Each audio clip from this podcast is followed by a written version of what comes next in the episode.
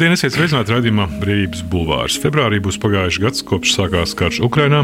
Ekspertīze par notikumiem Krievijā un Ukrainā un pasaulē mainās no pozitīvas uz pesimistisku un otrādāk. Šī gada sākumā politikas zinātnieks un Latvijas universitātes pasniedzējs Andris Kudors, kura pētniecības jautājumu lokā ir nacionālā drošība, Krievijas politika, rakstīja, Pirms runājam par nākotni, būtu jāskatās uz iepriekšējo gadu. Un, lai arī cik dramatisks tas būtu kopsavilkumā, par to var secināt divus, ja ne pozitīvus, tad vismaz cerību viesošs apsvērums. Pirmais, tātad jums bija secinājums, ka ļaunums nav uzvarējis, Kijava nav kritusi, Ukraina nav kritusi un Ukraiņi turpina cīnīties. Un otrais, ka rietumiem un demokrātiskajai pasaulē izdevās panākt vienotību un konsultācijas līmeni. Labdien! Labdien! Harari nesen arī publicēja Latvijā eh, žurnāls Ilga, pārpublicēja šo viņa rakstu, brīdināja, ka Krievijas uzbrukums Ukrainai draud atmest visu pasauli jaunā karu un posta laikmetā, respektīvi tādā lielā ilgstošā procesā. Kara un posma laikmets Jā. nav pagājis nemaz. Viņš jau nav beidzies. Mums vienkārši paveicās Eiropā. Kodolieroču, baiļu un biedēšanas dēļ nebija kara Eiropā. Jo abas puses bija gatavas lietot kodolieročus. Es domāju, tad NATO bloks un Varšavas paktu valstis. Ja Bihar arī nosauc to, kas bija nu, pēc otrā pasaules kara par, par vismiermīlīgāko laikmetu cilvēku. Eiropā, vēsturē. jā. Tas ir, ko mēs, ja mēs skatāmies reģionāli, tad jā. Un ka šobrīd tas, kas notiek, ir tomēr cilvēks tiek virzīti pretī jaunam kara laikmetam, kas, un viņš raksta, ka tas var izrādīties ļaunāks par visu, ko esam nu, redzējuši līdz šim. Patiešām tas var apdraudēt mūsu sugas izdzīvošanu. Vai jūs arī tā domājat? Ne, Cik liels ir tas ne, risks, ko arī iezīmē šo? Nu, jā, šo... negluži. Nu, es esmu kristietis, es ticu tam, kas rakstīts Bībelē, proti, ka kari un karu daudzināšana būs līdz pasaules beigām. Cilvēks neatradīs kaut kādu brīnumainu risinājumu, kā apstādināt karus. Tas būtu nu, druskuļi izlacot ārā no politoloģijas. Atgriežoties politoloģijā, PSRS nebija sabrucis līdz galam. Tagad mēs varam zināmā mērā, ne tādā tiešā nozīmē, bet zināmā mērā varam spriest par Krievijas agresiju pret Ukrajinu kā tādu impērijas mēģinājumu, eh, diezgan izmisīgu mēģinājumu saglabāt sevi kā impēriju. Nu, tā ir padomju impērija, tā ir tā pati caristiskā impērija. Nevelti ap 2005. gadu Krievijas propagandisti un prokremliski eksperti akcentēja to, ka Arī Vladislavs Surkovs to teica. Tā taču PSRS. Putina viens no pirmajiem padomniekiem. Tieši tā, jā. jā. Viņš bija Putina laikā galvenais iekšpolitikas arhitekts. Viņš kūrēja to, cik partijas nonāks valsts domē, kuras tiks reģistrētas, kuras netiks reģistrētas, kā izskatīsies šī fiktīvā partiju konkurence. Tā nav īsta konkurence, tā ir fiktīva konkurence. Tas bija tāds vienkārši dūma aizsaks rietumiem tiem, kuri rietumos slimoja šrederizācijas slimību. Kā to Ilves šķiet, pirmais laikam to nosauca par šrederizāciju, ņemot par piemēru bijušo Vācijas kancleru, kurš dēļ Gazprom projektā tad, jā, varēja, jā, varēja turpināt pelnīt daudz naudas. Šī mm. ir agonija. Mēs redzam impērijas agoniju. Tie, kas ir pie vārds Krievijā, lielā mērā tā saucamie siloviki, ir padomi siloviki un viņu vērtības, viņu tas demokrātisko ideju dziļums bija vājš, sekli, ļoti sekli bija. Jelcins neizturēja zināmā mērā, jo Krievijas politiskā kultūra, kura ietekmējas no kultūras, ja, plašākā nozīmē, ir tāda, kur nepieprasa demokrātija īpaši. Ja mēs vērojam, kas 90. gados, tad, kad falsifikācija bija radikāli mazāka, par ko balsoja Krievijas pilsoņi, tad tur bija daudz tādu sarkanu brūnijā. Ja? Bija par komunisti. Komunisti bija ļoti populāri. Un 96. gadā, kad Jelcins un viņa lokus gribēja, ka Jelcins uzvar Zuganovu, pilnīgi godīgās vēlēšanās, Jelcins mēs nezinām, vai uzvarētu. Ja? Tur būtu tā 50-50. Juganovs bija ļoti populārs. Viņi izmantoja administratīvo resursu. Viņi kaldināja, nokontrolēja NTV toreiz kanālu. Viņi kaldināja ceļu uz atgriešanos pie autoritārisma. Putins pirmajos gados runāja demokrātiskas lietas. Tregūbau, kas uzrakstīja to grāmatu, Kremļa plāns iestāties NATO un tam līdzīgi. Jā, viņš uzrunāja Pugačovs, Sergejs Pugačovs, kas bija viņa līdzgaitnieks. Viens no tiem, kas viņai aiz rokas ieveda Kremlī. Tur ir vairāki. Un Pugačovs ir viens no tādiem reālajiem, kurš tiešām tur bija klāts. Ja? Borodins laikam ar viņu runāja un teica, ka vajag paņemt vienu, kurš par ārlietām kaut ko saprotot. Tas ir Putins. Un, un jā, Pugačovs skaidroja, ka, ka tas mēģinājums uzrunāt NATO ir bijis reāls. Un Putins esot brīnījies, kāpēc Džordžs Bušs nenolasa viņa vēstījums, piemēram, spēku izvešana no Kubas un tam līdzīgi, ka tā ir kā dāvana, žests. Putins sprieda tādās es tev, tu man kategorijās. Nevis uh, kā mēs gājām cauri Baltiešu likuma izmaiņām, lai Eiropas Savienība iestātos, korupcijas apkarošanai, lai NATO iestātos. Ja? Tur, tur ir normāls reformu process. Tur, kur ir likuma vara, tur neskatās uz krievisku eh, papaņāķiem, ja, pēc tādiem principiem. Tur skatās, tu izpildi kritērijas vai nē. Un Putinam nu, nāca līdzi šī impēriskā doma, ka viņi nevar būt kaut kāds viens no, kurš stāv rindā Viņi ir strateģiskais partners, kaut kas milzīgs, kaut kas grandios un tik svarīgs. Es ka visiem jāpiekāpjas. vienā ar kaut kādiem baltiešiem. Tieši ne? tā, ar kaut kādu centrālu Eiropas valstu un Baltijas valstu pārstāvjiem. Nu, tas ir viņiem ņecarskie te ģela, tad nav cara lieta. Ja Hitlers vēlējās novērst Versailles līguma netaisnību, tad Putins vēlas pārskatīt pasaules kārtību pēc augstākā beigām. Fašisma un nacisma militārisms un sevis kūdīšanas karu arī visbeidzot noved pie kara. Līdzības starp abiem vadoņiem aizvien pieaug. Putina režīms atšķiras no Hitlera veidotājo, Krievijā zog un melo tādos apmēros, kādi Eiropiešiem sapņos nav rādījušies. Un tad, kad varonis saka, ka perioda Rasija uz priekšu Krievija, tāds konfetī plaukšķis vien sanāk, jo tankos nav aprīkojuma. Te, protams, pārspīlēja, jo otrā pasaules karā pārbaudītā lielgabalu gaisa metode zināmā mērā joprojām strādā. Pagājušajā gadā savā blogā par Krievijas fašismu rakstīja politologs Andris Kudors. Jūs pats esat nu, Putina režīmu šobrīd uh, salīdzinājis ar Hitlera režīmu. Jā, Kurā stadijā nu, Hitlera, Hitlera režīmam ir dažādas stadijas, mēs zinām. Nu, nu. Jā, tas ir labs jautājums par tiem gadiem. Parasti tur min, tad citi runā par, par 38, 39 gadu, un tad, nu, es domāju, ir 40 gadu stadija. 40. gadu karš jau notiek. Jā. Nevar, mēs nevaram vēlēt labu mūsdienas, mūsdienu. Uh, tā laika Hitlera ideju turpinātājiem. Nav jau nekas, jau nevar sakrist pilnīgi identiski, jo ir kultūras atšķirības, kas ietekmē arī politiku. Jā, mūsu vērtība, kultūra ietekmē mūsu vērtības, mūsu vērtības ietekmē to, ko mēs uzskatām par labu vai sliktu politikā. Tā veidojas politiskā kultūra. Un tad dažreiz jau cilvēki lieto, domājot par politisko kultūru, kā par pieklājību vai nepieklājību komunikācijā politiķi. Nē, ne, tas nav par to Politiskā kultūra nozīmē, kā mēs pilsoņi skatāmies uz savu darbību un pienākumiem politiskajā procesā, un kā mēs skatāmies, kas ir jādara politiķiem, kas viņam nav jādara. Vēl politiskā kultūra nozīmē, ko politiķi paši dara vai nedara politikā, un ko viņi sagaida no mums, ko mēs kā pilsoņi darām vai nedarām. Un ir Almonds un Verba, tādi slaveni pēc otrā pasaules kara zinātnieki, kas analizē dažādas veidus, un viens no veidiem bija tāds subject, political culture, kā tāds subjekts, jeb paklausības. Politiskā kultūra un Krievijā daudz pazīmes sakrīt ar šo paklausības, jeb tādu pielāgošanās politisko kultūru. Šī, e, šī politiskā kultūra ļauj vadoņiem būt, ļauj autoritāram režīmam attīstīties. Ap 2020. gadu Putina režīms strauji sāk virzīties totalitāra režīma virzienā. Autoritārais ļauj NVO darboties, dažiem mēdījiem būt, un nelien iekšā cilvēka privātajā dzīvē. Totalitārisms likvidē neatkarīgus mēdījus, nevalstiskās organizācijas nevar darboties neatkarīgās, un privātumam pazūd robežas. Ja? Politika ienāk guļamistabā, ienāk viesistabā, tad ielaužā, nerespektē cilvēku privātumu vairs. Lūk, tas ir notika ap 20. un 21. gadu. Karš ir gan fašismam, gan nacismam, ir militarizācijas komponente arī klātesoša. Un militārisms arī kļuva par, par Putina režīmu vienu no elementiem. Ja, tur tāpēc sakrīt daudz kas ar nacistiskās Vācijas laiku un daļai ar fašistiskās Itālijas laiku. Kaut gan es skatījos, ka Levadas socioloģiskās aptaujas par to militarizācijas aspektu, tas uh, iedzīvotāju vēlme mobilizēties ir strauji sarakusi pēdējā gada laikā, tieši tajā brīdī, kad šī mobilizācija kļuva masveidīgāka. Jā. Ja tā socioloģija, protams, ir ticama. Jā, es domāju, viņi noteikti daļai ticam, sevišķi Levadas. Kaļesnikovs, viens no politologiem, ko es cienu Krievijā, viņš ir Kārnegī institūtā darbojas, atbild laikam par to iekšpolitikas pētniecību.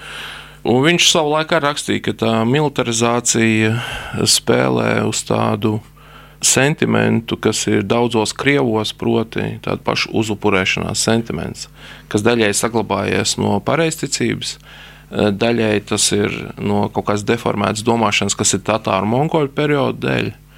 Krievija nedziedinājās no Tatāru mongoļu perioda daļēji dēļ pareizticības, kur teica, tas ir ok, tas ir labi, ka cars ir viens. Klausām, respektējam caru, viss kārtībā. Sevolds Čaplins, kurš bija uh, oficiālais pārstāvis daudzus gadus Maskavas patriarchātam, komunikācijā ar sabiedrību, oficiālais pārstāvis. Un viņš tad uzrakstīja vienu tādu analītisku gabalu rakstu. Pareizākās civilizācijas pieci postulātu, varbūt līdzīgi tas nosaukums ir. Un tad viņš analizē, ka kāda tur check and balance sistēma, atsvaru un līdzsvaru, ja, jeb tāda mm. līdzsvarošanas sistēma, kas ir trīs varas atzaru sistēma kas ir principiāli demokrātijai. Viņam, nu, kāda tur starp brāļiem, kāda var būt konkurence un strīdi, mums jābūt vienotiem, bet vienotiem ap ceru.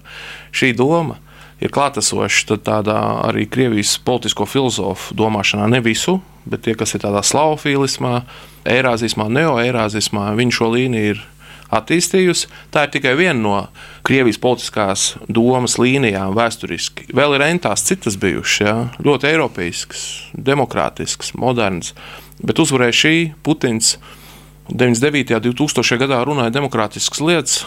Tregūbovu, kas uzrakstīja grāmatu. No turienes dzimst tā, tas stāsts par to krievu pasauli, kas sākumā tiek piedāvāts kā maigās varas vēstījums, kurš šobrīd mēs jau runājam par citām varas formām. Tieši tā. Jā, un Gubovs teica, ka viņi tikkoties ar Putinu, tā žurnālisti, kur pēc tam bēga no Krievijas, viņas tur dzīvoklis spridzināja, blakus durvis laikam uzspridzināja. Vai sajauc, vai ne, vai speciāli biedēja. Teica, ka Putins daudz ko saprotot no demokrātijas klātienē runājot. Es domāju, viņš mērķiecīgi izvēlējās kaut kādu sentimentu, ko viņš novēroja jau būtams pie varas, kas varētu aiziet, ar ko varētu mobilizēt Krievus. Un tad Pugačovs stāsta, ka viņi ir braukuši automašīnā kādā pareizticīgo pasākumā Krievijā ar Putinu. Un tad viņam tur kaut kādas sievietes, senioru vecumā, bučojuši roku. Un kaut kā Putins esot iekāpis atpakaļ mašīnā un teicis, paskat, viņiem cāru tā kā vajag. Vai kaut ko līdzīgu. Ja? Un es, es domāju, Putins pārvērtās par to Putinu, ko mēs redzam. Nu, negluži pārvērtās, bet pieņēma to ceļu, Krievijas attīstībai apmēram pirmajā prezidenta pilnvaru laikā. Viņš varēja arī kaut ko citu izvēlēties. Bet, nu, Uzreiz pēc Krīmas okupācijas bija skaidrs, kas aiz šīs maigās Krīma, ir slēpies. Jā, jā, jā. Krīma noteikti. 2014. gada 18. martā Putins, kad runāja Kremļa zālē, un tur bija sanākuši tie reģionāli līderi un visi tur parlamentārieši, viņi, nu, pseido-parlamentārieši, nav viņiem parlamenti. Ar tām Georgijas lentēm, tādas, viņi bija sevišķi liels, uzpinuši tādas bantas, un viņiem acis spīdēja. Es redzēju to acu spīdumu, man likās, vai cik tas ir neveselīgi. Putins tā runā, Tātad tikko Krim bija anektēta, tikko viņi parakstījuši papīrus. Tajā 18. martā, 16. martā vēl bija tā saucamais referendums. 18. martā jau viņa Kremlī visu parakstīja, tad bija tā viņas vienīgā runa, un viņš pateica svarīgu lietu, manuprāt, svarīgu par Krievu pasauli. Viņš teica apmēram tā, vācu kolēģi mūs sapratīs, Jo līdzīgi kā viņi apvienojās tur 89. un 90. gadā, 91. ka tāpat tagad ir ne tikai vēsturiskās Krievijas teritorijas apvienošanās, notiek atkal apvienošanās, paņemot Krimu atpakaļ, bet arī Krievu pasaules apvienošana. Ugh, šis bija bīstami vārdi. Tā ir runājis tikai uh, Hitlers par Čehoslovākiju, par Sudetiju, par vāciešiem, kuriem jāapvienojas atpakaļ ar tēvzemi starptautiskās tiesībās par pilsoņiem var iestāties un par viņu tiesībām, par jūsu, pils, jūsu valsts pilsoņiem, kas dzīvo ārvalstīs. To rietumos saprot, amerikāņi arī gatavi floti sūtīt glābt savējos pilsoņus. Tas ir saprotams, starptautiskās tiesības šo ideju aizstāv. Cīnīties par kādiem, kuri runā tavā valodā, un tāpēc tev ir kaut kāds politisks un tiesisks pienākums vai morāls pienākums tur viņus glābt un pat karot par viņiem. Starptautiskās tiesības šo nesaprot, un tas ir pareizi. Jo tad te varētu visi ar visiem kauties ja, un teikt, ka tie ir manējie. Nu, tad, Un tas ir Krievijas tautiešu politikas bīstamība. Un Krievija pasaule kļuva par tādu jau ap 2005. un 2006. gadu koncepciju par Krievijas tautiešu politikas ekspansijas pamatojumu. Un pa īstam bija redzams, kas tas ir. Nu, mums, mēs varbūt ātrāk redzējām, bet Eiropa pamodās 2014. gadā. Radījums Brīvības Bulvārs. Sarunas par to, kas notiek, un ko mēs par to varam domāt.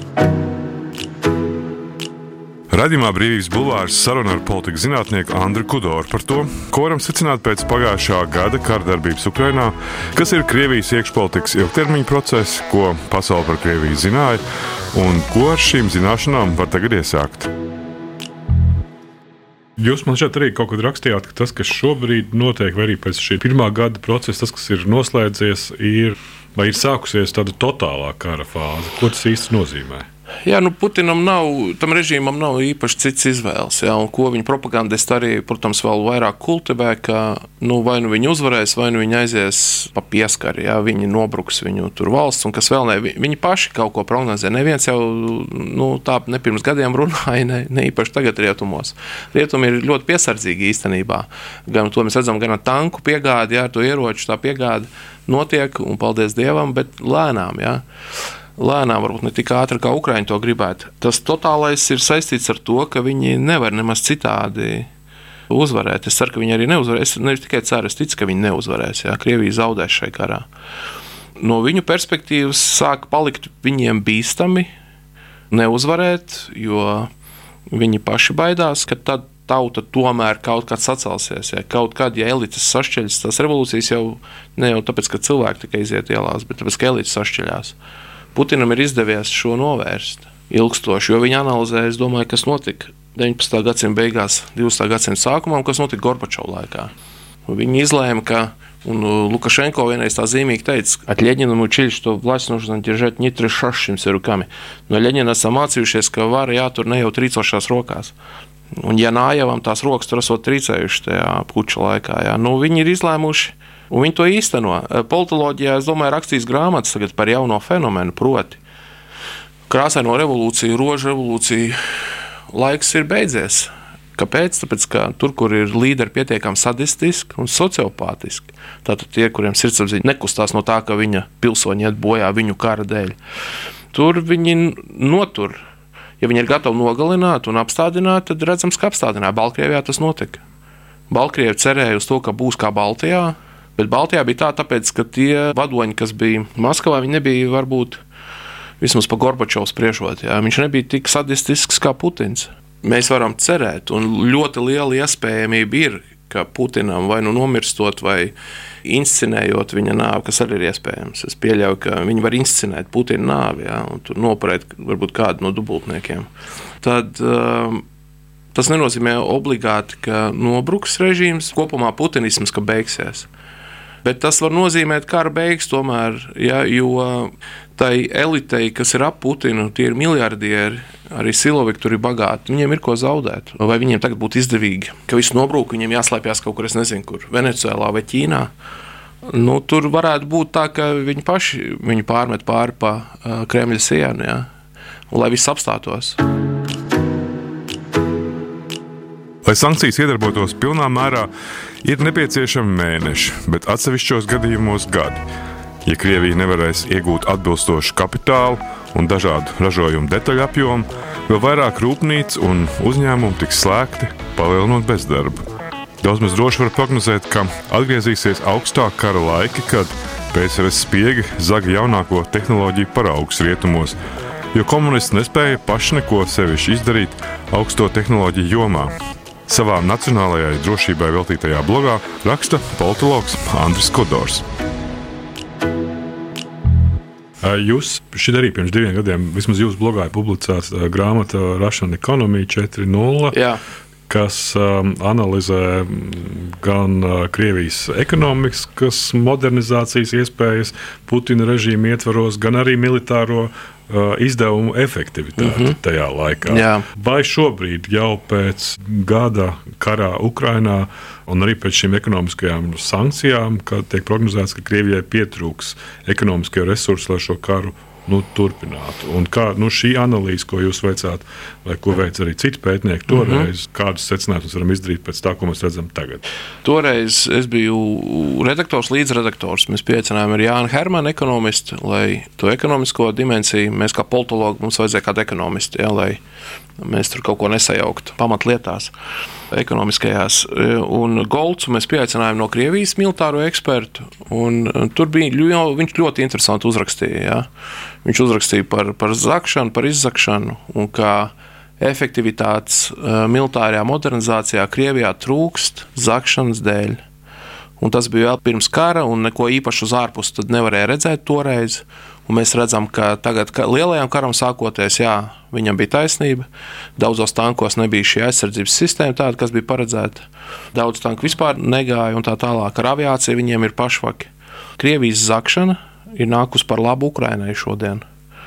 Tas, ka viņi zaga un tur bija korupcija, Tur taču viens no tiem ģenerāļiem, viens tās tanku bāzes uh, komandieris arī nošāvās, ka viņam bija jādod tie tanki karā. Nu, tas nav labi smieties par to, bet tā ir traģēdija cilvēku līmenī. Bet nu, šī zakšana parāda, ka Krievija x stundā ir vāja. Uh, katrā ziņā radikāli vājāk nekā tika domāts. Bet nu, nu, tomēr spējīga kara turpināt vismaz gadu. Jo dēļ masas viņi arī vēl varēs. Viņi tomēr tas apjoms, ko viņu bruņojumu veidoja, cik viņiem bija munīcijas, viņi tomēr to visu gatavoja, lai karot ar NATO. Un tas skaits un mērogs ir tik liels, ka viņi tērē un tērē, jau viņiem vēl ir. Protams, viņi, Putins nesen teica, ka ekonomika netiks pārlikt uz militarizācijas uh, sliedēm. Šo mēs varam tulkot tā. Krievijas ekonomika tiks pārlikta uz militarizācijas sliedēm. Līdzīgi kā viņš teica, mobilizācija nenotiks, mobilizācija notiek. Netiks konstitūcija mainīta, termiņiem tika mainīta un tā tālāk. Putins melo regulāri. Bet tas mērogs, tomēr tas Krievijas mērogs tik liels ir, jā, ka viņam pietiek. Jā, viņi pietiek un ar māsu arī var nodarīt. Tas ir līdzīgi kā Otrā pasaules kara laikā. Sūta karavīrs, lai pretinieks munīciju iztērētu. Pēc tam viņi tiek uz priekšu. Jā. Ja cilvēku dzīvības nav žēl, tad Krievija var karot, un tāpēc viņi var karot joprojām. Andris Kudors ir politologs, kurš specializējies Krievijas ārpolitikas un drošības politikas pētniecībā. Viņa pētnieciskās intereses saistās ar Krievijas ārpolitiku, attiecībām ar tās kaimiņu valstīm, Krievijas tautiešu politika, publiskā diplomātija un propaganda. Kudors ir vairāku Krievijas ārpolitikas analīzē veltītu publikāciju autors un rakstu krājuma redaktors.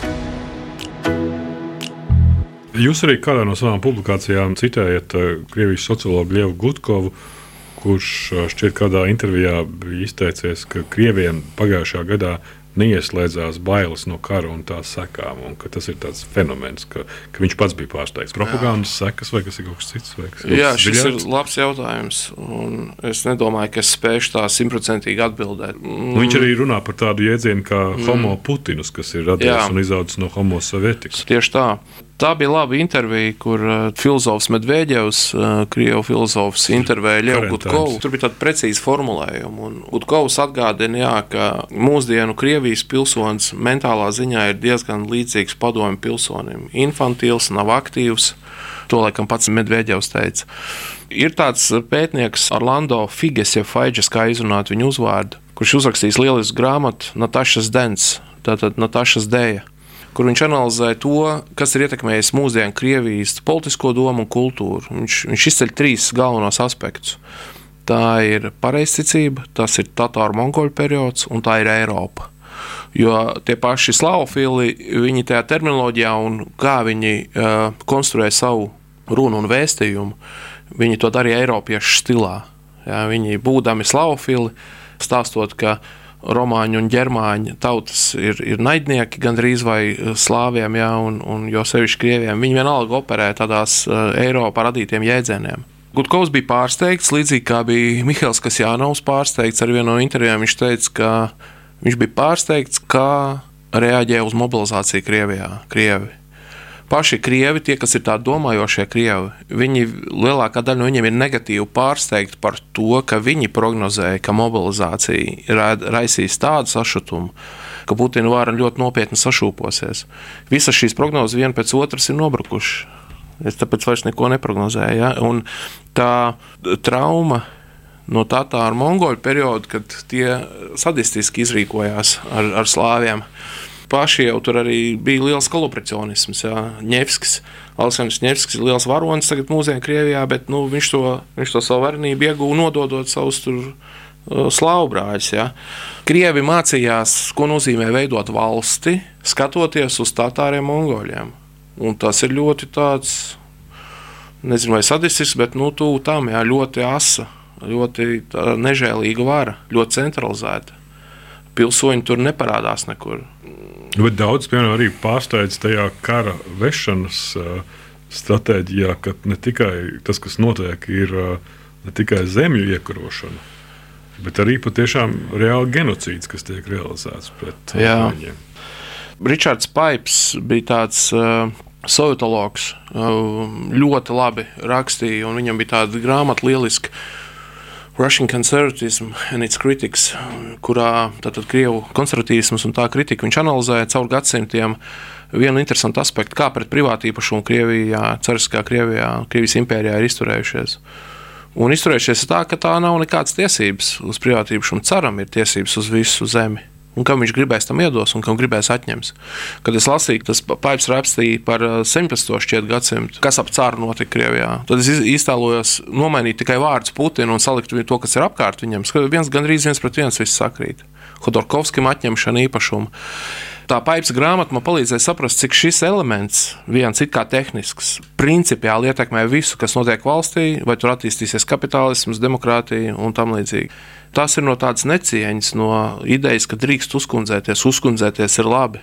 Putins eh, varēja rasties eh, un noturēties pie varas noteiktajā laika posmā, noteiktā tautā, kura šo visu akceptē. Vai, vai aktīvi, vai arī kā, pasīvi. Un viņam vajadzēja vienkārši ideoloģijas, ar ko atturēt rietumus un ar ko noskaņot savējos pilsoņus, lai tie būtu kritiski pret rietumiem. Un viņš paskatījās, kurš sentiments strādā un atrada tos. Bet dēļ šīs konstrukcijas mana prognoze bija, ka lielākā kara nebūs. Kāpēc? un es kļūdījos. Kāpēc? Tāpēc, ka tomēr ir kaut kāda mistērija vēl ar Putina prātu. Ja? Viņam nebija racionāli izdevīgi šo karu īstenot.